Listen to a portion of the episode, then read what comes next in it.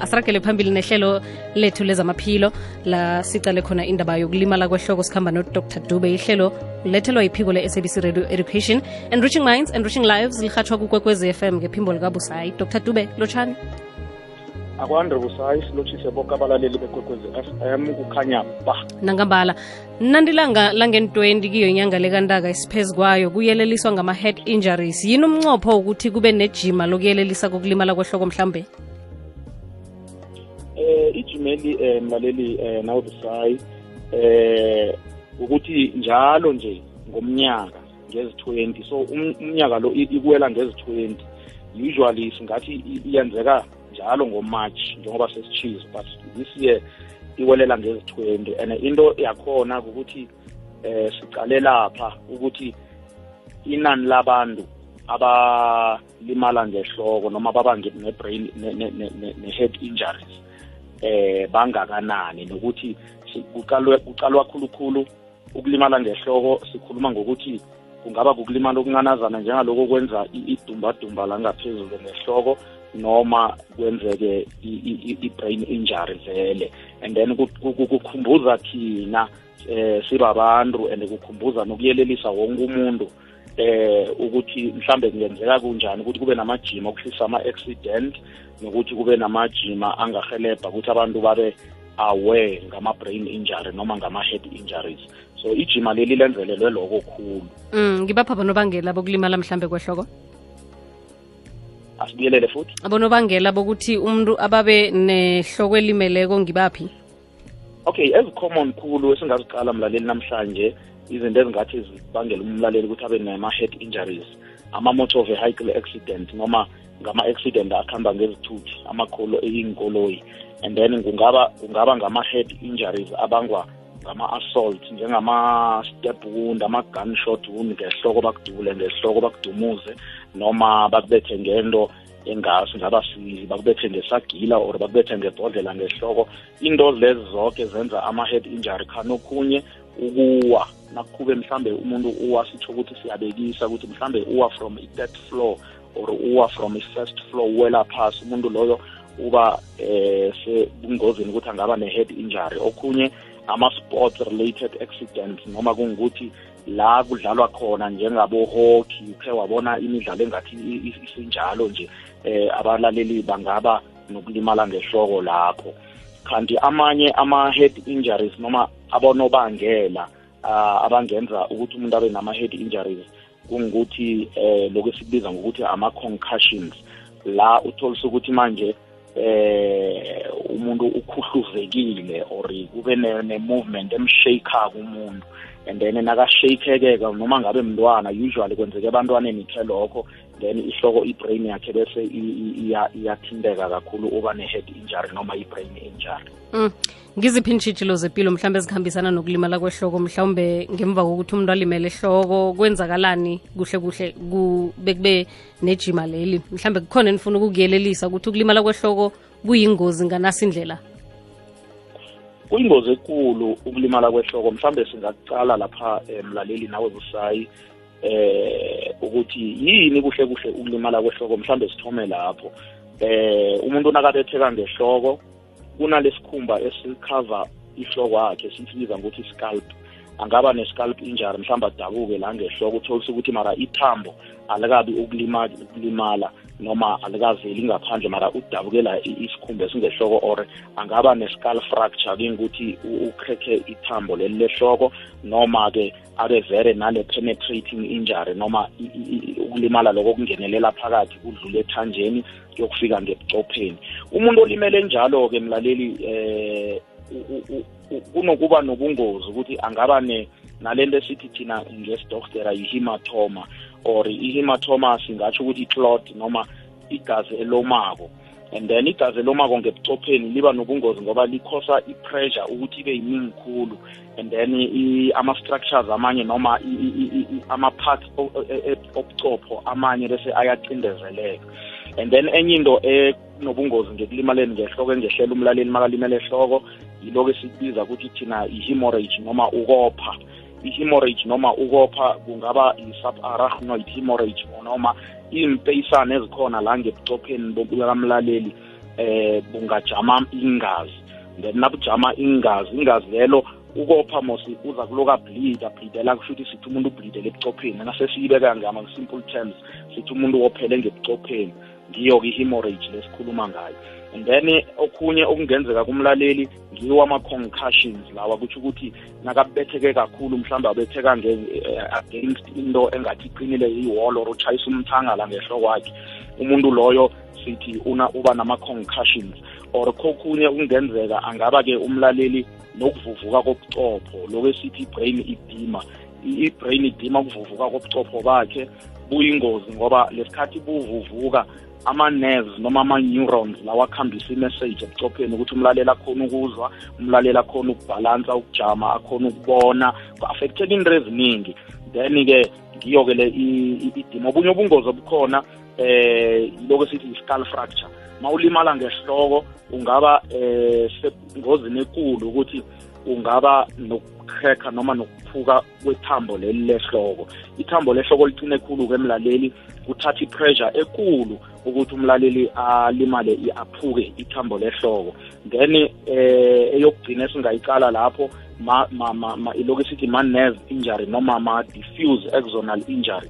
Ngamanye amagama nakalimele ngehloko umlaleli eh angathola ukuthi manje ama-nerves wakhe aba-damage la ngebucopheni and then iba yinkinga ekhulu ukuthi akhone ukufunctiona normally. Hlathulula udr. Dube mlaleli mayelana nokulimala kwehloko ukuthi kuyingozi kangangani. Khumbula-ke ukuthi sikhona ku-whatsapp la ungathumela khona umlayezo wakho. Ifowuni yakho isebenzise kwanga i-microphone nasizokwazi ukuthi mhlambe sikuzwe kamnandi. Um uzwakale ngathi uhlezi nathi la estudio. Inomboro ithi 079 413 2172 i-079 413 2172 inomboro yomtato lapho usidosela khona eh ithi 089 120 7667 sikhona ku-twitter sikhona nalapha ku-email ikwekwezi angithi lapha ngimi nawe at ikwekwezi fm co za ngubusayilo dr dube eh sibodade sinokufakafaka izinto lapha ehloko imithi. Ngingazi ukuthi mhlambe yona-ke inomfakela ekutheni inhloko ezinazo zibe zilimale inhloko zabo makhulukhulu. Eh ya siyiphendule leyo ama-chemicals aberegiswa ngehloko ukulungisa inwele eh ama-chemicals lawo awayibangi i-head injury. Into eyenzekako ukuthi ingamane imbangele umlaleli inilonda la ngehloko mhlambe imchise or imbangele lokhu sithe sakhuluma ngake sithi alopecia ukuphela kwenwele zikamlaleli ngehloko kwakhe mara akuyibangi i-head injury ngoba i-head injury sikhuluma ngento engathi idibhinyana iyangenelela iyadlula. Eh la ngaphakathi iyokungenelela eh ngaphakathi ebuchopheni bukamlaleli. Sizo umlaleli okhona ekhaya ku-089 1207667 naku-whatsapp. Hayi busayi ukhuluma nomama mahlangwe ohisi eh ngezi-1 march kulo nyaka ngathola ngithole ingozi ngavuvuka ubuso nehloko ngaya esibhedlela. Ngesibhedlela bangidraina ama-clots ehloko. So ngicela ukubuza kudoctor ukuthi kungenzeka kube lama-clots aphume wonke na? Ngoba ngiba nobuzikazika nje engilizwayo la ehloko nala elihlweni. So ngavuleka imbobo. So la epandla ngisengakapholi kuhle. Kusesenobuhlunganyana engilizwayo nala ihloko sharp busayi siyathokoza mama umlaleli ozosithumela kodwa umlayezo eh, usagise ngombana siphethe siyezwa ngapha ngemuva kanti-ke ubuza umbuzo ocakatheke khulu asikisi ukuthi ulimele. Dr dube uzomphendula uthini uma? Eh umama mahlango singathi kuye ngiyacabanga ukuthi njengoba athi bamdrainile emkhumbulweni nami kunokuthi kutsho ukuthi bamdraine ukubheka kuphele ngaphakathi ebucopheni. Ebukhumbule nami kunalokho. Akazami engikuthi mhlambe bekalimele iscalp noma isikhumba lesala ngehloko between ithambo nesikhumba sehloko. Ngicabanga ukuthi mina bekalimele deeper njenga abeka abekisisa. So into engama-advise ngayo engamyelelisa ngayo ukuthi eh usually nangabe bakudrainile benza bamdraina from eh phakathi kwi-brain yakhe ukuthi bekanokubleedela phakathi waba nama-clots. Fanele aphinde achinge futhi ngesibhedlela bayomenza i-CT scan noma i-CT scan yokumreviewa noma ukuwenza i-follow up yokubona ukuthi i-bleeding leyana istopile or iphinde yavuleka futhi yachubeka nokuthi ophele ngaphakathi. Okay. Ubuzikazika nobuyinto ojayelekileko? Eh ukuzikazikana lobu akusinto ejwayelekileko. Ngikho ngithi mina akabuyele for i-scan review Mm. ngoba if kungukuthi mhlambe bamdrainile waba right but ngokuhamba kwamalanga wathoma wabhida ngoba enye into esiyelelisa kubaleleli ukuthi eh lokhu abe ulimele ngehloko i-brain injury noma i-head injury. Eh atry umntwana avoida into lezi njengabo-disprin nabo-esprin ezingathi zithambisa igazi khulu ngoba ama-bleeding amaningi ayavuleka bese umlaleli uyathoma futhi uyopha kanti bekastopile okay. Usemoyeni kokwezetsha usemoyeni? Hayi busayi kunjani? Kukhanya ba. Nami ngikhona busayi. Ukhuluma noma brenda ngapha ngeferidlene ne? Okay. Yakhe ngibuze lapho ku-dr dube ne? Mina yami ihloko sengihlala ngingananhluthu ngoba nanginenhluthu angikhoni ukuyikama nangiyikamako nedi la phezulu la kufika inyanga ngathi angazi ngathi yini ngaphakathi phakathi phakathi phakathi le angazi kusinasi busayi noma ngiyibrasha so umzimba uyabaleka. Ma angazi or ngawa ngisesemncane or njani angazi. Mara ihloko wami inenkinga eserious la ngaphathi mara ngisengakabukuya kadoctor ngiyoyi-check-a angazi ukuthi kungaba yini. Kho ngibuzele kudoctor busayi ukulalela udr umzule dr dube ngimzule marabudisinyana sengihlala ngikelile vele ngoba angikhona ukuyikama nangithi ngiyayikama vele ihlungu nangiyikamako noma ngiyibrush inhluthu nazincane ibrush le. Nangiyibrashako ngaphakathi ngapha busaya angazi kwenzakalani. Nedi la phezulu nakuphela busayi phezulu efokothweni kuphela. Ya ya. Okay uh, dr. Dube angazi ukuthi nami ngihlathulule ngithini kodwana-ke ihloko i-sensitive. i-sensitive. Khulu nakathi uyayithinda noma uyakama. Um eh iba buhlungu basho kunento yenzeka kusukela ngaphakathi. Mm. Mm, mm. no no. Eh angeke siyi-speculate noma sicabange ukuthi mhlambe ingaba yini leyo. Accept accept mhlambe ingukuthi eh la ngehloko si-check-e ukuthi akananilonda ama-chachazi ama-raji la ngesikhumbeni sehloko.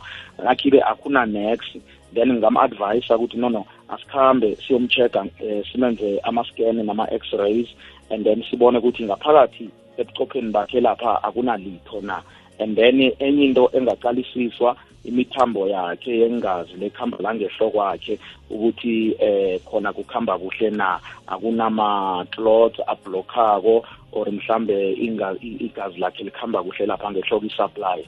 Manje-ke mina ngi- umlaleli ngingamyelelisa ukuthi awa asiye nayo lo sibhedlela siyokwenza ama-itara investigation noma siyomhlolisisa kuhle. Mm, umuntu owawako eh njengoba azibuza ukuthi hani wawo asesemncane ama-side effects namkhana-ke izinto ezi- ezimbamphumela zibonakala nini? Eh umuntu ukhe walimala amncane cala kunamathwayo esingawacala la ku-head injury noma kuma-brain injury. Eh singathoma ngalawa ajayelekile ene usually unokuhluhlwahluhlwa yihloko akhalakhale ngehloko asela amaphilisi amapeyini mara kubonakale ukuthi awa engathi ak- akahelehele and ihloko akhona ayikhambi yodwa ihloko akhona iba naloku ngazathi angahlanza noma ngakuphalaza. Omunye vele ithi nayimphethe ihloko le vele bathi uyabuyisa uyahlanza vele. And then omunye kube ngazathi uba nalokuthi ihloko yakhe nayimphethe aphethwe nayihloko abe nokuba confused noma i- ngathi uya uya emkhumbulweni akhe la ngathi uyalahlekelwa kancane angasabambi kuhle. Omunye akhale busayi ngokuthi i- i- i- i- i- indlebe zakhe zinomsindo. And uthola ukuthi eh mathwayo lawa umlaleli angawa-ignora mhlambe athi awa awa mani ngizakubuye ngiye kadokotera mani mhlambe zizinto ezincane. And then ngoba ay- ay- kuba khona kubuye kuthulise kuphela isikhathi kuphinde kube khona. So mathwayo ngathi abethabetha phezulu yani phezudlwana lawo. Mara akhona lawa a-obvious adipha otholisa ukuthi vele ayamtshela umlaleli ukuthi awanje khona ngathi kunomraro ngebucopheni phakathi. Lawo ngilawa engikuthi mhlawumbe uyathoma manje uba nama-fit lokho esithi thina ngamasisha. La uma umlaleli uyafitha amafitha umlaleli uyawazi or ubhalelwa kubhalansa. Tholisa ukuthi manje uyasukuma uthi uyakhamba ayi ubona ngathi ufuna ukuwa.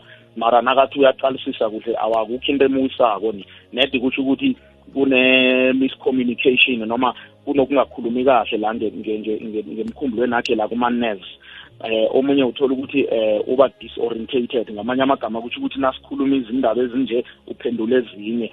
Maka siqalisise lapho ukuthi akanabo ubulwele lokho esithi thina yi-psychosis noma ubulwele bokugula bomkhumbulo. And then ezinye izinto ezingenzeka-ke eh ukuthi amehlo akhe ayaphazamiseka ngokuthi angakhoni ukufocusa kahle entweni and then okhunye kungaba ngiyo-ke i-memory loss ukuthi uyakhohlwa uyakhohlwa akakhumbuli izinto eziningi uyazikhohlwa. And then okuba obvious mlaleli ukuthi angaba unconscious. Leyo ke vele ngiyo ekhombako ukuthi awa umuntu lo ulimele. Then nangu unconscious masithi umuntu unconscious kusho ukuthi akarespondi. Ulele akavuki mara uyaphila uyaphefumula mara akavuki. So umuntu loyo sekuyakutshela mlaleli ukuthi no no asimjahiseni ngemtholampilo ayokuthola ukuhelebheka right. Hello busayi naku-dr dube. Mina ngicela ukubuza ubhuti wami uye wawa empedeni ana-four months. Wathi masekana-eight months waqala ukuba nama-seizure so masimikisa kadoctor bathi unama-fever fit ngicela ukubuza ukuthi ngenzeka ukuthi uye waba ne-head injury nalesikhathi awa empedeni. Ngiyabonga uthandeka emiddleburg okay. Sithokoze thandeka eh eh ngiyambamba kuthande umlaleli. Eh la eh usihlathulela indaba ye febrile convulsions noma lokhu ngesithi sithi thina ama feet abangwa umchiso noma i temperature i febrile convulsions iba i common khulu ebantwaneni.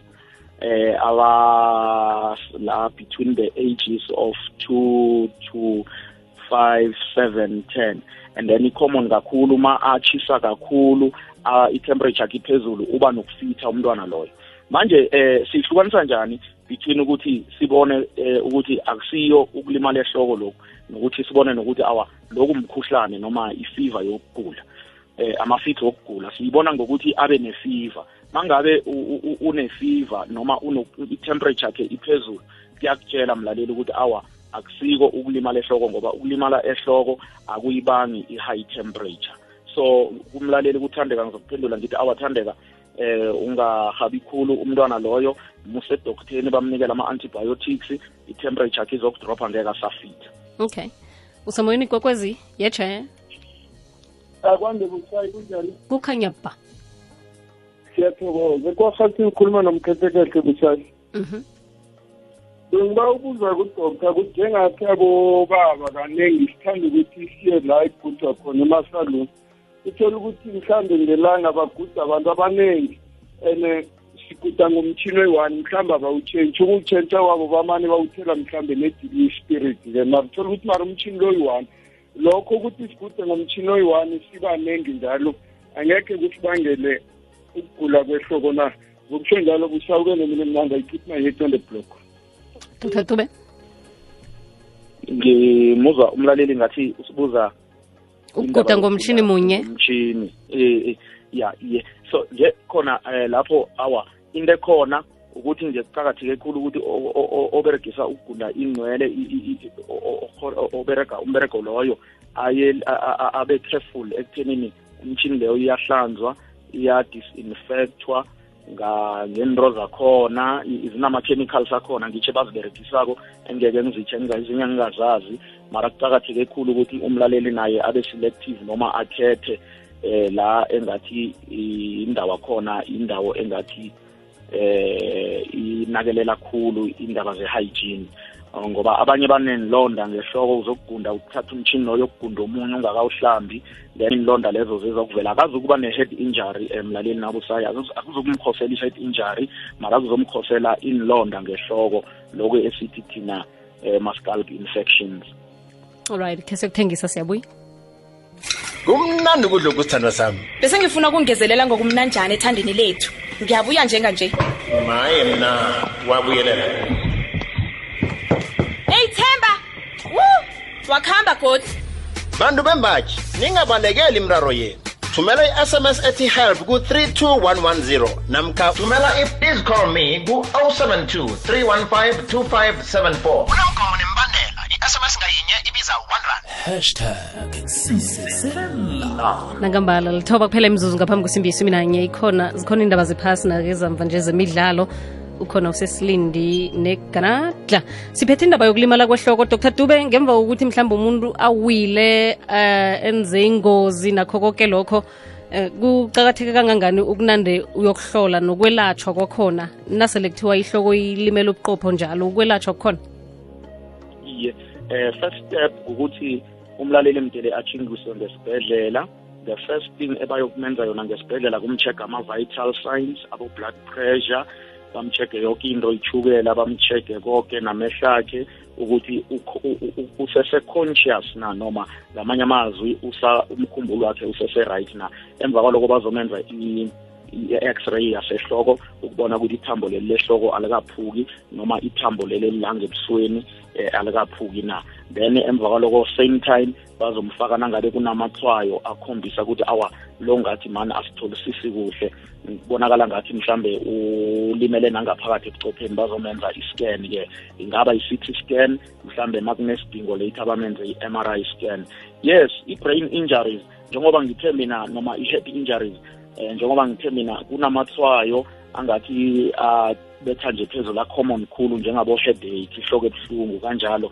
Um iyatrithakala and uh, nanoma ngabe umlaleli alimele ngaphakathi ebucopheni yes iyathitheka mara kuyadiphenda ukuthi eh i-severity noma eh ukulimala kwakhe ulimele kangangani na. Yabona se ngoba uma kungukuthi uthole i-accident wathola i-motor vehicle accident and then walimala ngehloko ufika ngesibhedlela kakhuluma kaphathi akadli akanyakazi noma bamkhulumisa umuntu loyo vele ukukhoma. Akakafi uyaphila. But ya bayavuka futhi baphinde babe right. So iyatritheka ngizokutsho njalo ngithi iyatritheka mara into ebalulekile emlaleli nabusayi nasisamsa impilo namkhana kwadohotera kufanele ukuthi sibone ini njengoba kujayelekile nje ukuthi umntwana soyaqusuka namkhana bethe phezu kwebota njalo njalo? Ye eh lapha uma ungabe umntwana mhlambe kwenzakele wawa and then emva kalokho eh nanimqalisisa kuhle ngekhaya uyathoma umntwana lo lokhu ubamba ngehloko ngoba usually abanye abakabi ku-level yokuchaza ukuthi eyi ihloko amebuhlungu. Mhlawumbe lokhu ubamba ngehloko or akasakhoni eh ukujikisa intamo akhe ngoba intamo nayo ikhambisana mos nehloko i-cervical spine injury. So manje uma angathi angasakwazi ukukhambisa ihloko yakhe or umntwana lo uyathoma uyahlanza and then uthoma uyahlanza iyakutshela mlaleli ukuthi awa ulimele imphuthumise speed ngesibhedlela noma lapha kadoctor bayomcheck eh usually uzakubona udoctor amkhanyisa ngetosho emehlweni. Eh udoctor lona akakhanyisa ngetosho emehlweni ubona izinto ezideep khulu akaboni ukulimala kwamehlo but ubona ubucopho bomntwana through amehlo ngoba amehlo lifastera lobucopho lomkhumbulo wakhe. Manje-ke kuqakatheke khulu. Mambona aba abanamasayini anjengalawo ukuthi uyahlanza noma engathi umntwana lo ngathi uyalala uyile but emva kwaloko ngathi uhlala sengahle aphethe ebuthongo ulala khulu.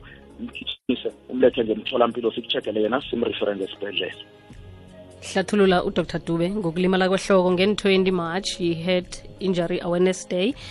Uyabuza u-obrisco uthi umntwana wakhe watshayiswa iteksi wavela incetshana la ehloko ngo-2014 walala ilanga linye esibhedlela bese waphuma kusasa bathi-ke seka-right. Yena-ke akanayo ikinga nje nokho. So ngiba ukwazi ukuthi angeze mhlambe yamthwenya into le nasele amkhulu na?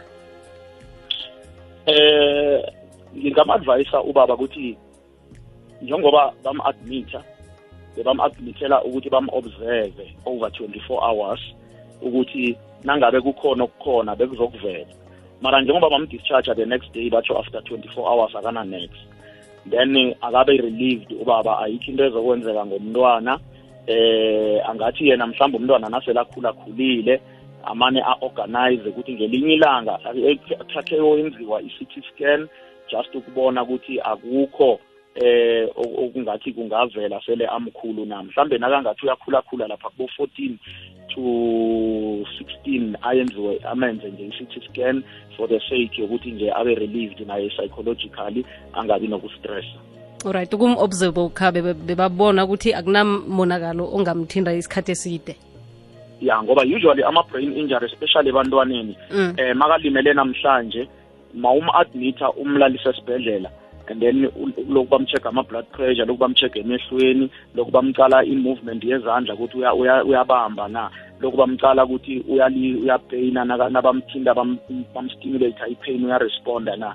Bacala nje ukuthi ngoba usually after 24 hours eh, mangithi eh, within 24 hours nangabe umntwana loyo i-brain yakhe beyilimele kuzokuvela kuzokuba obvious within 24 hours.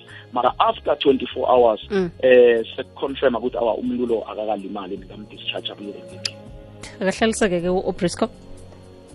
Mbusa yelotsha eh nendaba nasi le yokuthi basho kukhitshwa ama-donation esikolweni.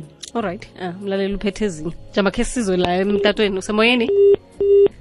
Okay mithathu kuphela imzuzu ngaphambi kwesimbi yesumi nanye 3 minutes to 11 usayi kunjani yini nodoctor ukhuluma novirginia mahlangu la e-alexander. Mina nginenkinga umntwana mi una-five years siye last year uthole i-accident. So wabetheka ngehloko phezu iscreen ekoloyini. Wenzeka yamdabula epandla wavuleka imbobo. So ngiba ubuza udoktor ukuthi ish, kune uzokuthola umngozi omngayo leshi ngizokuthini? Umngozi wakhona buzoba njani ukuya kwesikhathi? Ngiyathokoza ngingapha nge-alexandra okay. Dr dube? Sithokoze mlaleli. Mangabe eh wathola i-laceration noma ukusikeka ngamanye amagama ukuthi walimala isikhumba ithambo lesihloko azange lithinteke. Lisho ukuthi azange kube yi-penetrating injury.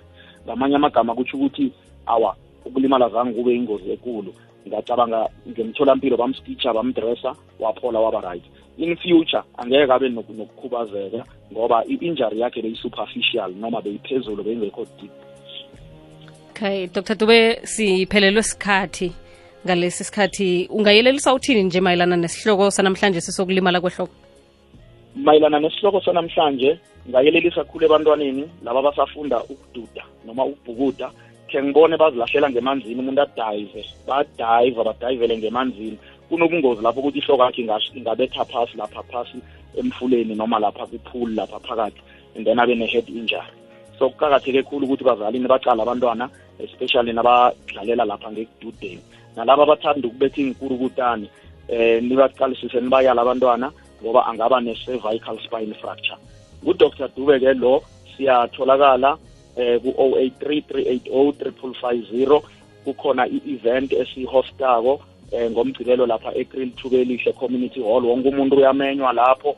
Sizobe senza eh i-health awareness day. Kumahala asibhadali and then wonke umuntu uyamenywa lapho. Sizokucheck ubulwelo babochukela bo-high blood. Umlaleli siphinde simyelelise ukuthi eh la kubuhlungu khona singamdirector ukuthi enze njani na ngudr. Dube. Sithokoze ekril kuphi nini? Ekrili lapha ethubelishe ethubelishe community hall. Ngomgqibelo eh saturday ngezi-23 right. Ngudr dube bekahlathulula mlaleli ngapho ngekril uyazuzonivakatshela nechudwa khuzi na. Sitshinge endabeni zephasi ngale kwalokho sicale indaba yokufundo yefundo nokuthi umntwana nakanganayo imali school fees alo aliphuki ilungelo lakhe ekuthiwa kufanele nakanjani ukuthi umntwana afunde na